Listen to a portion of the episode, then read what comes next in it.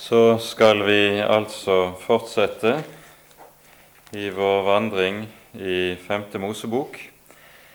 Og eh, det er jo slik at det ligger i sakens natur at det blir umulig å ta for seg dette bokverket og denne hovedboken i Skriften i,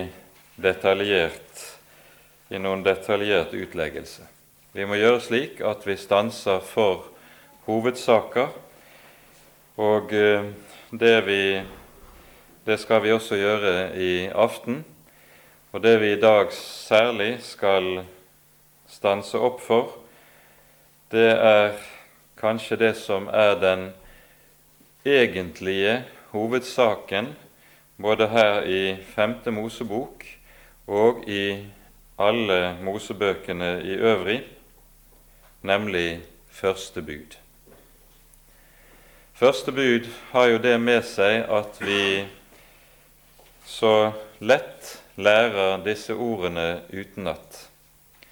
Og så tenker vi og innbiller vi oss at det er noe vi dermed også behersker og kan, like fort som vi kan lære ordlyden her utenat.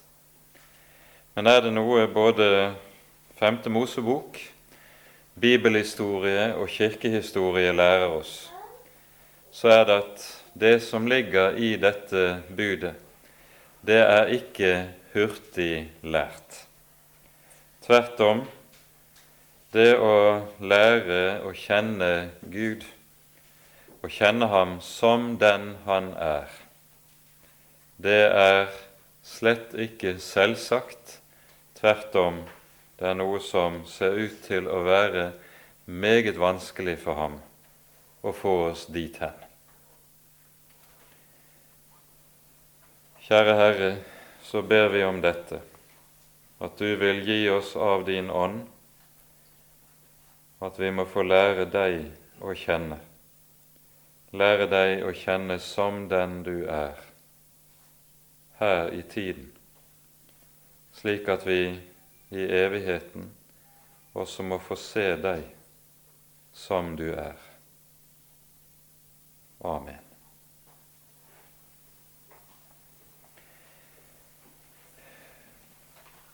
Det er jo slik i at vi i Femte Mosebok også hører de ti bud gjentatt og utlagt.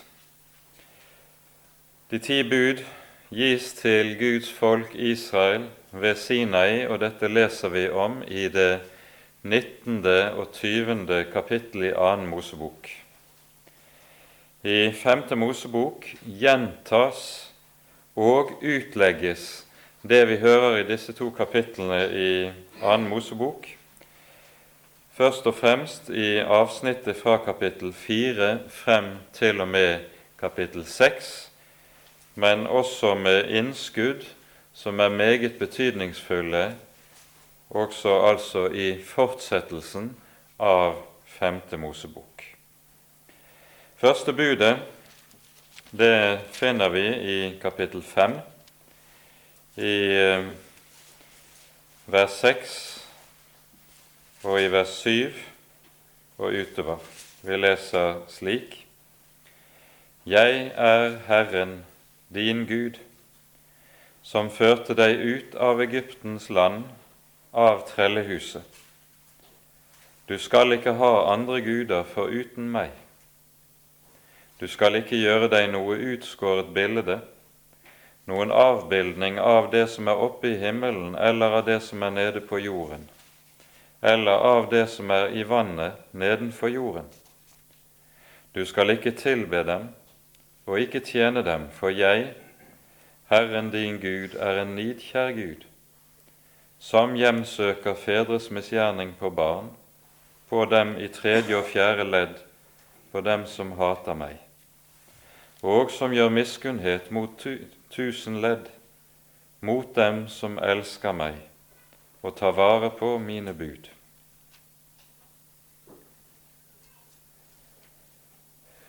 Når jødene leser de ti bud, så er det slik at det vi kaller første bud, det kaller de det annet bud.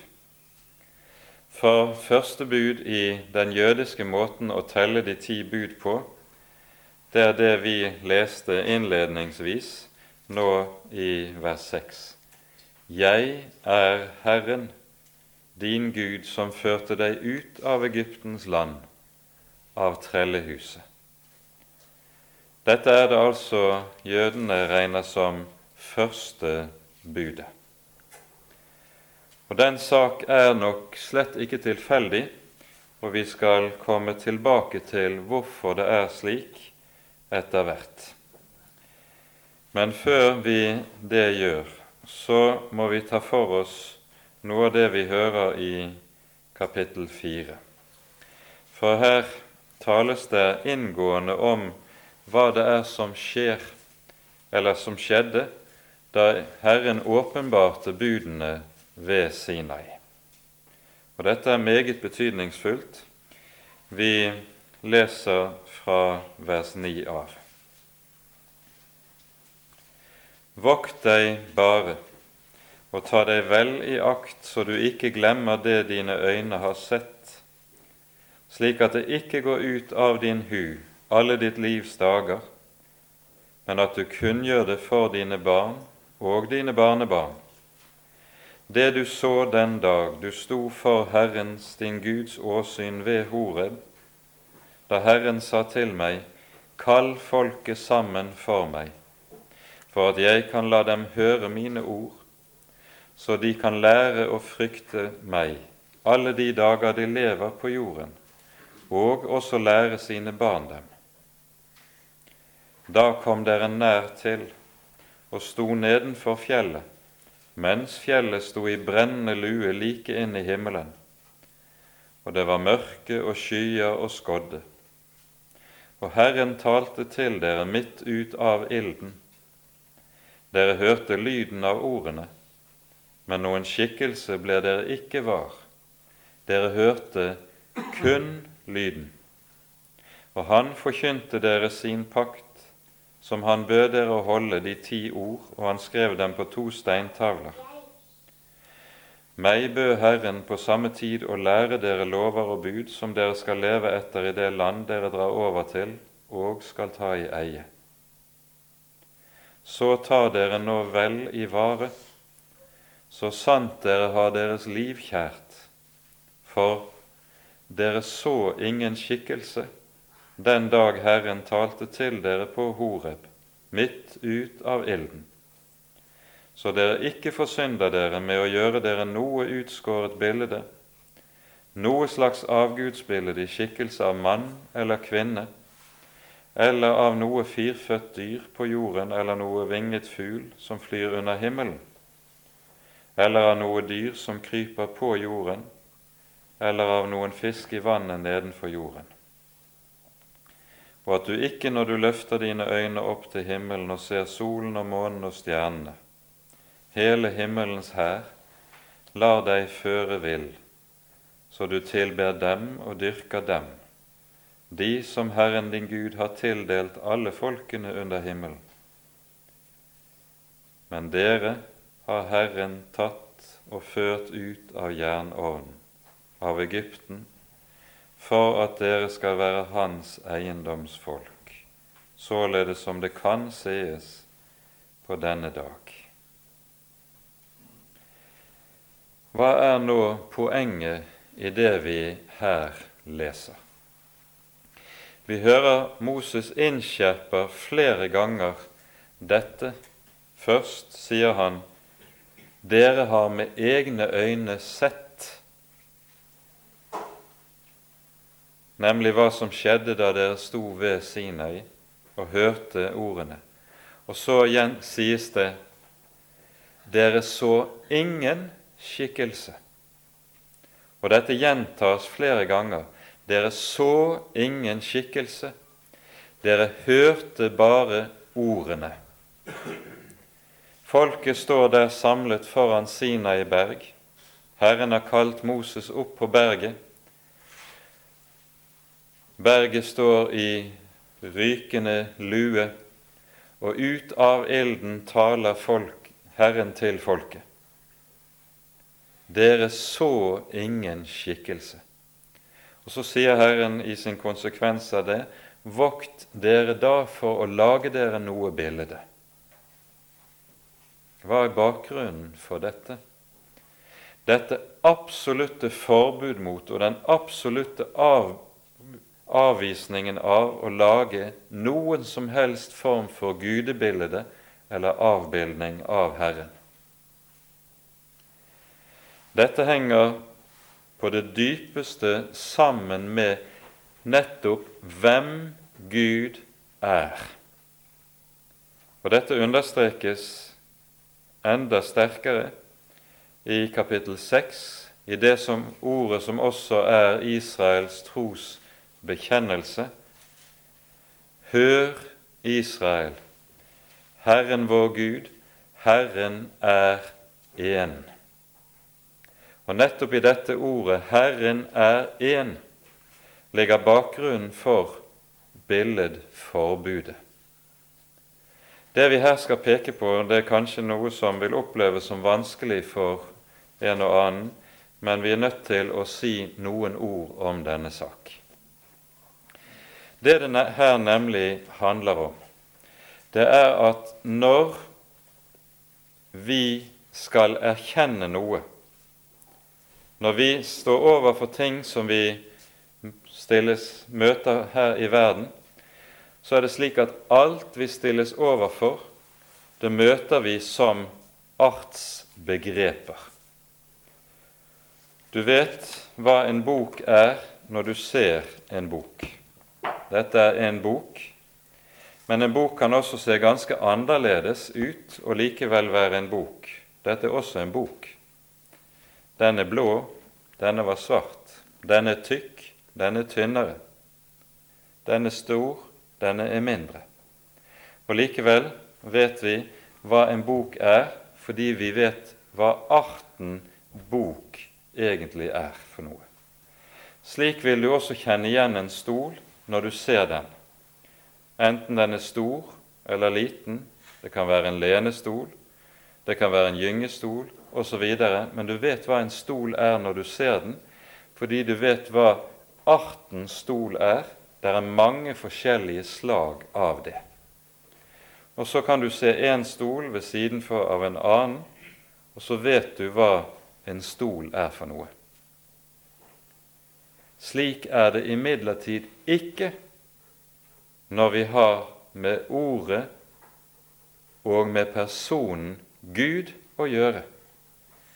Når det gjelder Gud, så taler vi ikke om en, noe som forekommer som en art, at du har andre guder ved siden av, og som du derfor kan sammenligne med ham. Og så kan du si at vår Gud er slik og slik til forskjell fra andre guder som hører til egentlig samme arten eller kategorien av guder. Gud er ingen art eller ett eksemplar av en art eller av en type. Gud er én. Han er alene. Der er, og dette understreker jo Bibelen med en veldig styrke, der er ingen som ham, ingen som er lik ham. Han er absolutt ene og alene Gud. Hør, Israel, Herren vår Gud, Herren er én. Fordi Gud er alene om det å være Gud, så er det altså også slik at det å lage avbildninger av ham er noe som er absolutt forbudt. For hvis du skulle lage en avbildning av ham, så måtte du derved si Gud er slik som det og det. Du vil altså si at Gud kan lignes med og sammenlignes med noe som vi ser og kjenner fra den verden vi lever i. Men det er nettopp det Skriften sier at Gud ikke er. Og det er for at hans folk skal vernes mot den tanke at Gud er lik noe som helst som hører skapningen, det skapte verden, til, at billedforbudet står der som et absolutt forbud. Du skal ikke gjøre, fordi du så ingen skikkelse da du sto foran berget.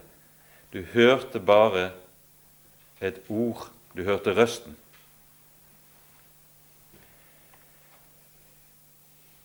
Når Herren taler på denne måten, og med det åpenbarer sin absolutte enhet, og dermed at han er den absolutt enestående, så sies det dermed altså at vi, han er en Gud vi med våre øyne ikke kan se. Og Skriften sier, vi hører i 2. Mosebok kapittel 33 slik Gud sier til Moses, 'Intet menneske kan se meg og leve'. Hva da med en Gud som vi ikke kan se, som vi dermed ikke kan forholde oss til på samme måte som vi kan når det gjelder alt annet som vi forholder oss til? Herren har gitt og ordnet det slik at når vi skal forholde oss til Ham, når vi skal dyrke Ham, så kan vi det utelukkende gjennom ord, ikke gjennom noe vi ser. Det er så å si slik at Gud har utelukket synssansen som erkjennelsesmiddel når vi har med Ham å gjøre, for at vi i stedet skal forholde oss til ham gjennom hørselssansen. Gud møter oss gjennom et ord som vi hører. Og Derfor er det også slik at Israels Gud er en Gud som dyrkes i og med og gjennom et ord og et bestemt budskap som han lar oss høre. Og Dermed så ser vi noe som kommer til å bli et særkjenne ved Guds folk og ved Bibelens folk gjennom hele den antikke verden. Mens du i alle de andre folkeslag i antikken og i alle de andre religioner du står overfor i antikken, har som kjennemerke at der forholder man seg til hellige bilder, så er det ikke slik med Israels folk. Israels folk har i stedet hellige ord. Og slik blir Guds folk, Israels folk, det blir ordets folk og bokens folk. Og det som er bibelsk tro og gudsdyrkelse, har det som sitt særlige kjennemerke at vår Gud er en Gud som vi utelukkende møter og lærer å kjenne gjennom ord som han lar tale til oss. Antikkens folkeslag har hellige bilder, Bibelens folk har hellige ord. Og Derfor er det også slik, og dette er jo den store hemmelighet med Bibelens budskap, og som gjør Bibelens budskap så særegent. Det er nemlig det at Gud gir seg selv og åpenbarer seg selv for oss i og med og gjennom disse ord. På en slik måte at når du hører disse ord, så stilles du dermed også ansikt til ansikt med Gud selv. Gud gir seg til oss gjennom disse ord. Han trer frem for oss gjennom disse ord. Og det er ingen annen måte du kan møte ham eller lære ham å kjenne enn gjennom ord. Dere så ingen skikkelse da dere stå, sto ved berget, men dere hørte røsten, dere hørte ordene. Det er hemmeligheten i bibelsk tro. Vi forholder oss til Gud utelukkende i Ordet. Det er nøkkelen. Og Derfor ser vi også, dette skal vi komme mer tilbake til i morgen, at Herren om igjen og om igjen innskjerper for sitt folk i femte Mosebok at de har livet i kraft av at de tar vare på det ord Herren har åpenbart dem. Dersom du hører, dersom du tar vare på, dersom du vokter nøye på det ord som jeg har gitt deg, da skal du leve. Da skal du komme inn i det land jeg har lovet deres fedre. Da skal dine dager bli mange. For livet som er i Herren selv, det skjenker Han oss igjennom og i forhold til dette ord. Det er nøkkelen.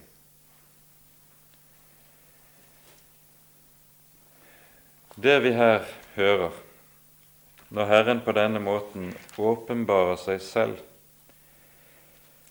og sier 'Han er én',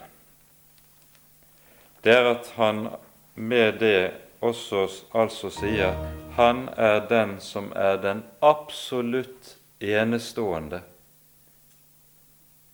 og som du ikke kan gå til noen annen kilde for å lære å kjenne. Det er denne sak som han også har gitt når han åpenbarte navnet sitt for Moses ved tårnebusken. Når Moses står ved tårnebusken, som vi hører i 2. Mosebok 3, og stiller spørsmålet 'Hva er ditt navn?' for at jeg kan gi dem svar når de spør meg hva, 'Hvem er Han som har sendt deg?' så får han til svar 'Jeg er den jeg er'. Så skal du si til Israels folk 'Jeg er har sendt deg'. Dette er mitt navn til evig tid.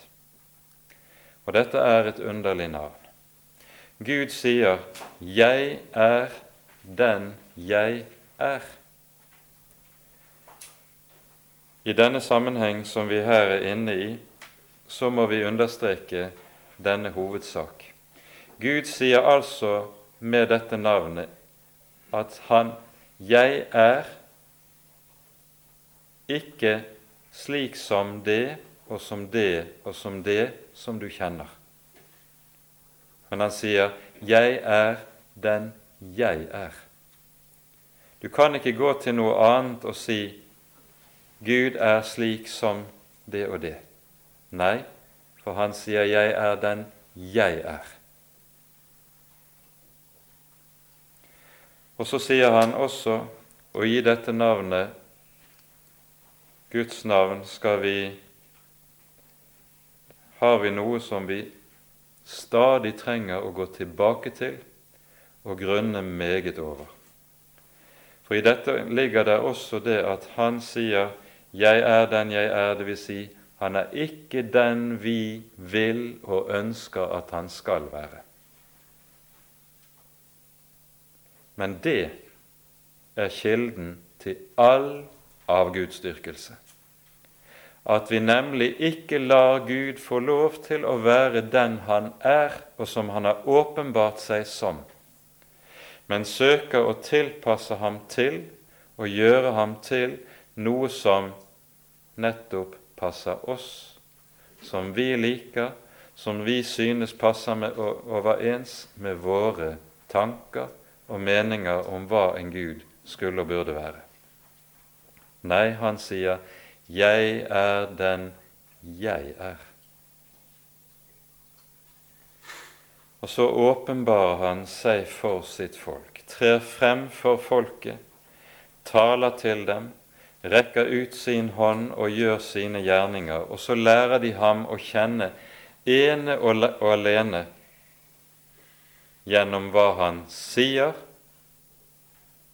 og gjennom hva han gjør. Det gis ingen annen kilde til kunnskap om hvem Herren er. Derfor sier også Philip Melanchthon om denne sak å kjenne Herrens gjerninger er å kjenne Herren selv. For det er når Han selv trer frem og handler, at du lærer ham å kjenne. Nettopp denne sak understrekes også her i kapittel 4 i femte Mosebok. Vi leser fra vers 32.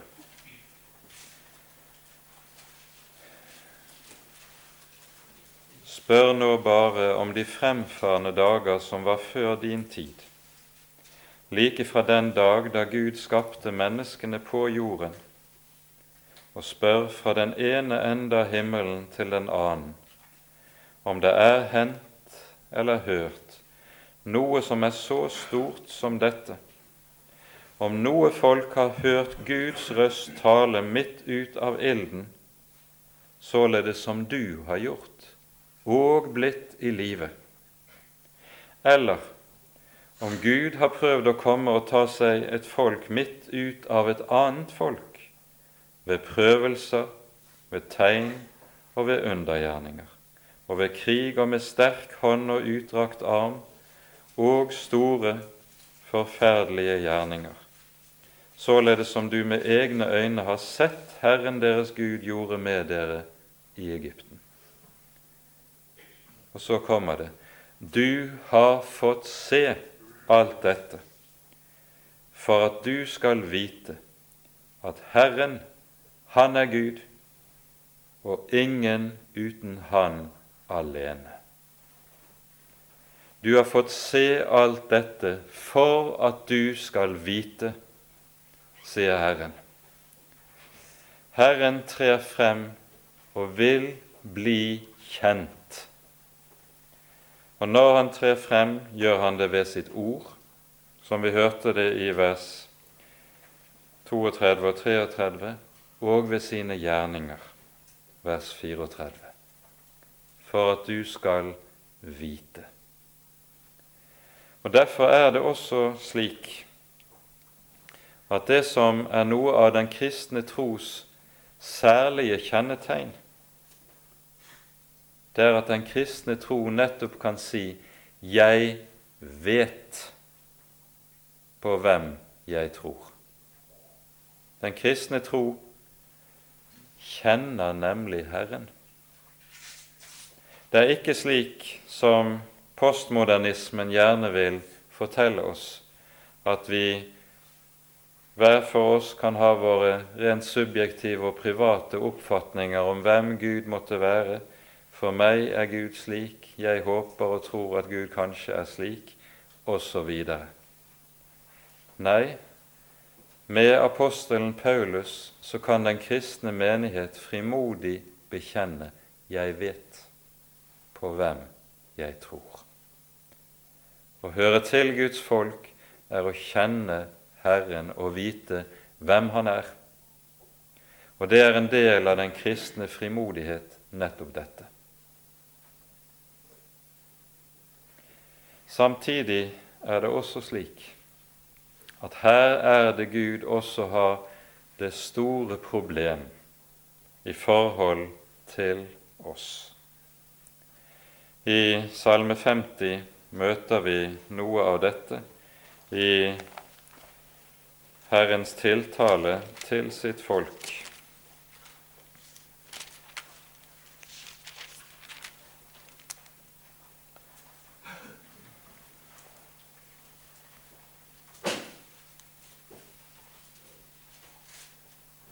I Salme 50 står det sånn i vers 21 etter at Herren har gått i rette med folket så sies det slik:" Dette har du gjort, jeg har tid.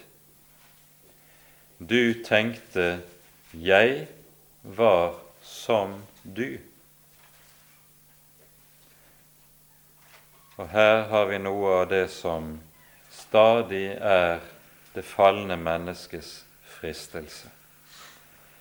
Mens det som skjer i skapelsen, består i at den levende Gud frembringer mennesket i sitt bilde, så kommer det falne mennesket stadig på ny til å ha det som sin favorittbeskjeftigelse å snu saken på hodet og skape seg guder i sitt bilde. Du tenkte 'jeg var som du'.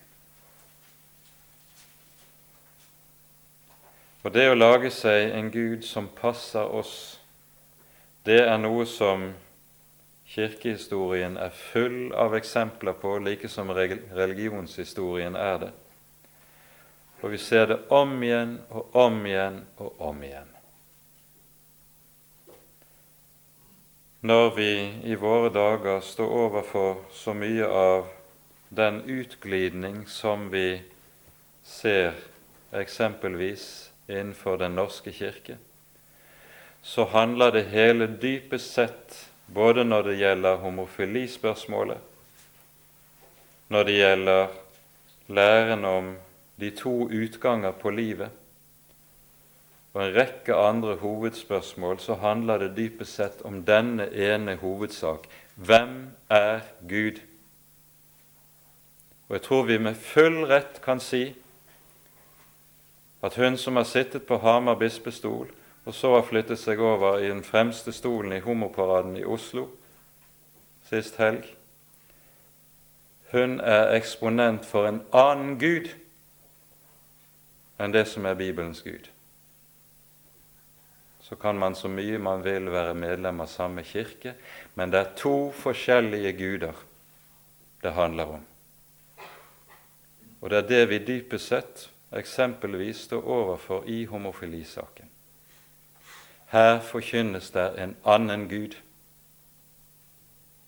Og så rammes denne nye Gud, dette nye Guds bilde, av den alvorlige dom, som Skriften også forkynner nettopp over avgudsdyrkelsen. For det er det det dypest sett handler om.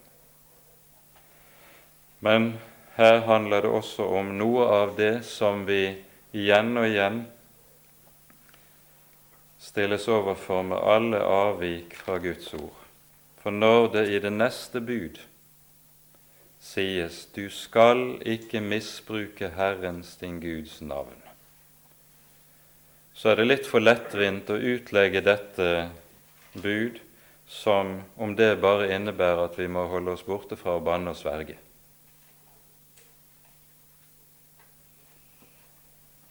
Guds navn misbrukes jo på langt dypere og alvorligere vis enn det. Aller mest når man forkynner egne lærer og egne meninger og utgir det som om det var kristendom. Det er å misbruke Herrens, sin Guds, navn. Og det er også det å bryte med Herrens bud. Når Herren altså sier 'du skal ikke ha andre guder enn meg', og sier 'Jeg er den jeg er', så handler det på ny og på ny for Guds folk om dette ene hovedspørsmål. Får Gud være den Han er, inn i våre liv?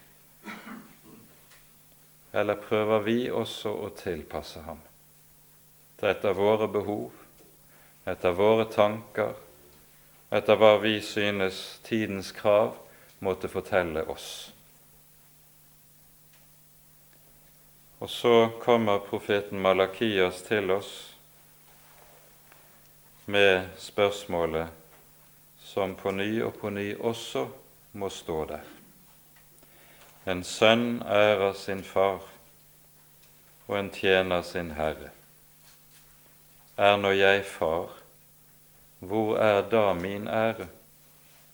Og er jeg herre, hvor er da frykten for meg, sier Herren, herskarenes Gud.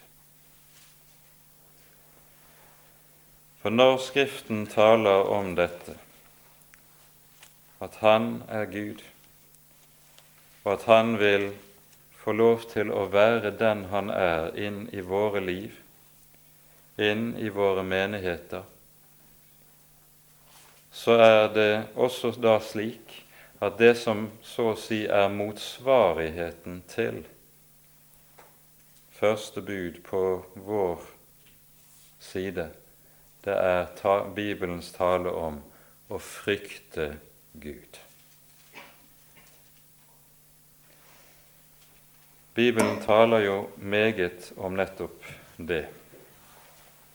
Og det å frykte Gud Jeg slutter ikke å undre meg over i hvor liten utstrekning det i våre dager nettopp er tale om dette.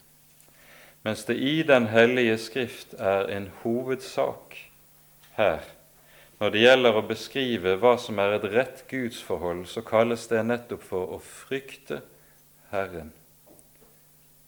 Så brukes dette uttrykket så godt som aldri i våre dager. Og det er grunn til å stille seg spørsmålet hvorfor. Men vi leser noen vers fra det tiende kapittel i femte Mosebok som har noe mer å si om disse ting.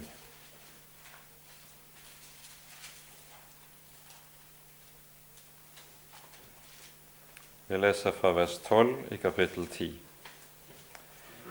Og nå, Israel, hva krever Herren din Gud av deg, uten at du skal frykte Herren din Gud og vandre på alle hans veier og elske ham og tjene Herren din Gud av alt ditt hjerte og av all din sjel, så du tar vare på Herrens bud og på Hans lover som jeg byr deg i dag, for at det kan gå deg vel.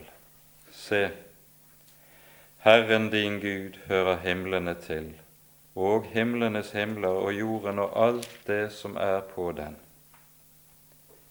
Men bare i dine fedre fant Herren behag, så han elsket dem og han utvalgte dere og deres etterkommere fremfor alle andre folk, således som det kan sies på denne dag. Så omskjær da deres hjerters forhud, og vær ikke mer så hårnakkede. For Herren deres Gud, han er gudenes Gud og herrenes Herre, den store, den mektige, den forferdelige Gud som ikke gjør forskjell på folk og ikke tar imot gaver, som hjelper den farløse og enken til deres rett, og som elsker den fremmede, så han gir ham føde og klær. Derfor skal også dere elske den fremmede, dere har selv vært fremmede i Egyptens land. Herren, din Gud skal du frykte, Ham skal du tjene, han skal du holde fast ved, og ved hans navn skal du sverge. Han er din ros, han er din Gud, som har gjort disse store og forferdelige ting for deg, som dine øyne har sett. Det vi her er inne i, det er Skriftens tale om det rette Guds forhold. Og Vi legger merke til at det er to saker som understrekes her. For det første hvem Herren er, og for det andre hva det vil et rett forhold til nettopp denne Gud innebærer og vil si for vår del. Og Her brukes det ord og uttrykk der Herren beskriver seg selv som, vi, som også er slike som vi ikke hører mye av i våre dager. Ofte er det jo slik at vi kan, i stedet i våre dager kan høre at eksempelvis det sies at Det gamle testamentets Gud er en ganske annen Gud enn den Gud vi møter i Det nye testamentet. Derfor behøver vi slett ikke å ta slike ord som vi her hører, så alvorlige, for Jesu Kristi milde Fader er en ganske annen enn Det gamle testamentets strenge Gud. Til dette må vi svare to hovedsaker. For det første er det jo slik at Herren Jesus selv uttrykkelig understreker Det gamle testamentets autoritet og ikke minst Mosebøkenes absolutte autoritet. I Matteus 5, 17 og 18 har vi to vers som så å si er programord i Jesu munn når han taler om sin Messias gjerning. Dere må ikke tro at jeg er kommet for å oppheve loven og profetene. Nei, jeg er ikke kommet for å oppheve, men for å oppfylle. Sannelig, sannelig, sier jeg dere. Før himmel og jord forgår, skal ikke den minste jota eller en eneste tøddel av loven forgå, før det er skjedd alt sammen. Jesus understreker altså at selv ikke den minste bokstav i loven, dvs. Si de fem Mosebøkene, skal forstå. Alt har hans seil og hans autoritet stående ved seg. Det er det første. Jesus selv stadfester altså og bekrefter uttrykkelig Mosebøkenes og lovenes uforbeholdne autoritet også i den nye pakt. For det annet så lærer Skriften oss altså, som vi har hørt, at Gud er én. Og i at Gud er én ligger også det at Han er den samme gjennom alle tider. Han er ikke en som forandrer seg med tiden. Han er ikke en som utvikler seg fra det ene til det annet. Tvert om, sier Skriften, Jesus Kristus er i går og i dag den samme, ja, til evig tid. Gud er én, vil si den samme gjennom alle tider og gjennom alle slekter.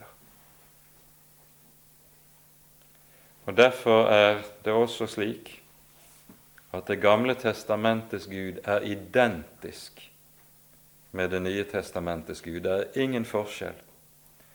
Det er derfor også en indre enhet mellom Det gamle og det nye testamentet, som er helt avgjørende for oss som Guds folk å holde fast ved hvis vi i det hele tatt skal forstå Bibelens budskap.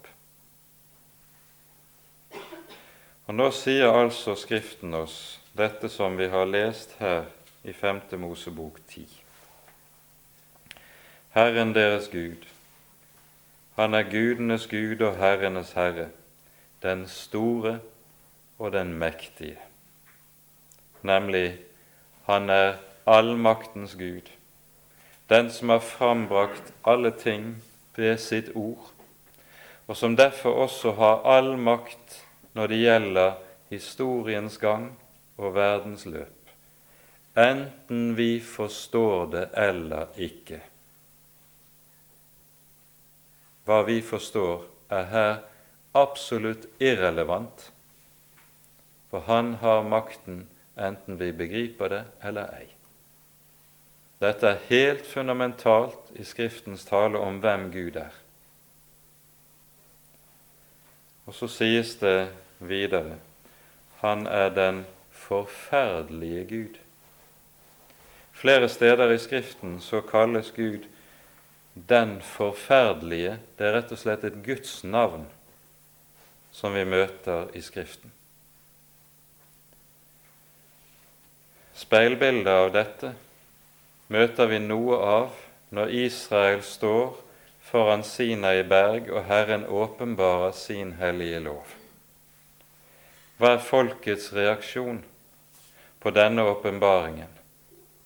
De skjelver i angst i møte med denne veldige Gud. De skjelver i angst og kommer til Moses og sier, vi tør ikke å se denne veldige ild. Vi tør ikke å stå ansikt til ansikt med denne veldige Gud. Tal du med Herren, og kom så til oss, så vil vi høre deg. De visste at det å ha med den hellige og den veldige Gud å gjøre. Det å ha med en Gud å gjøre som ikke er en spøk. Og Her står vi nettopp overfor noe av det som kanskje er et av de største problemene som vi har med å gjøre i dagens kristenhet og i dagens åndsklima. Der det nemlig er slik at i stedet for denne Gud som Bibelen åpenbarer som den hellige, ja, som den forferdelige, så møter vi en humanisering av Gud og av gudsbildet.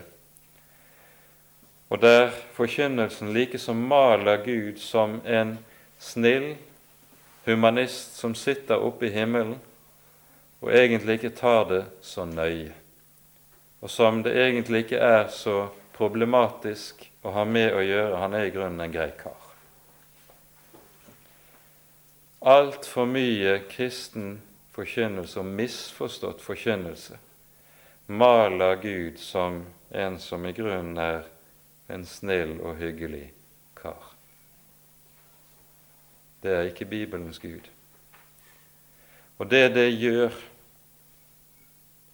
med budskapet, det er at når Gud ufarliggjøres, når Gud ikke lenger er hellig, så ufarliggjøres også forkynnelsen med det til følge at forkynnelsen blir kraftløs og maktesløs, og den har ikke noe bitt i seg.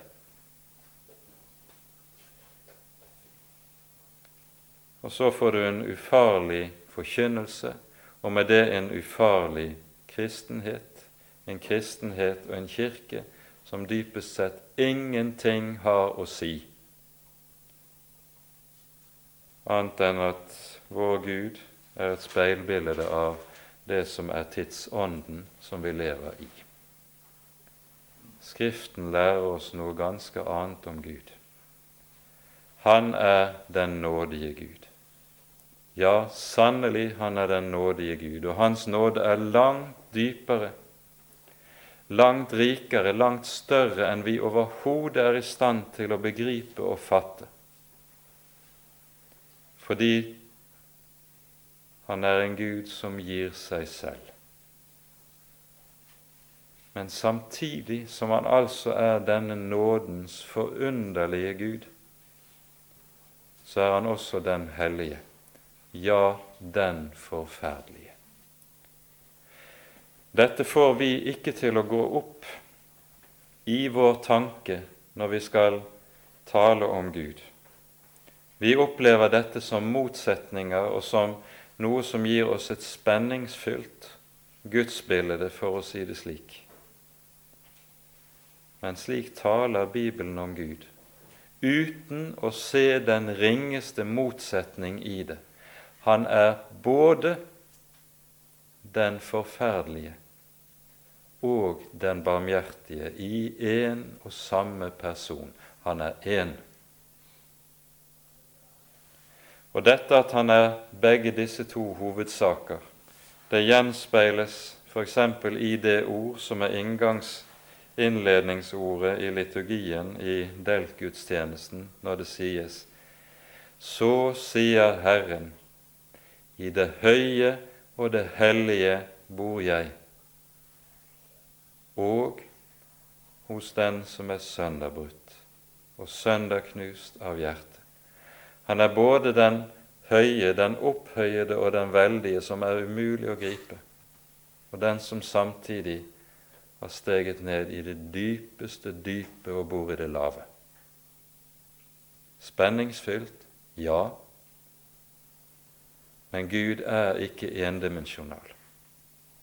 Bibelens tale om Gud er ufattelig i sin dybde og i sin rikdom.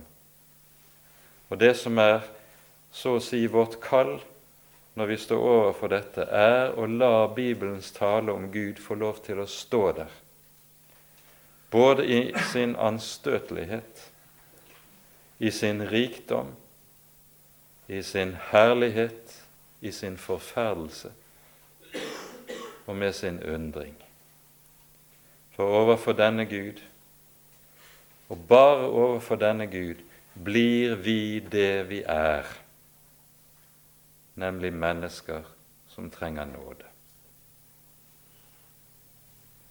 der Gud gjøres til noe annet, der begynner mennesket på det prosjektet som handler om at vi vil være Gud og ta Hans plass, som er den hellige. Babelstårnene bygges på ny og på ny gjennom historien, der vi vil ta den allmektiges plass. Så sier han altså som vi hører det. Herren deres Gud, han er gudenes Gud, herrenes Herre, den store, den mektige, den forferdelige Gud som ikke gjør forskjell på folk og ikke tar imot gaver, som hjelper den farløse og enken til deres rett, som elsker den fremmede og gir føde og klær. Altså den som bøyer seg ned i det laveste lave, tar seg av den hjelpeløse og den som ingenting har. I det høye og det hellige og i det lave. Ja, dette er det vi dypest sett også finner i innledningsordene til Herrens bønn. Fader vår.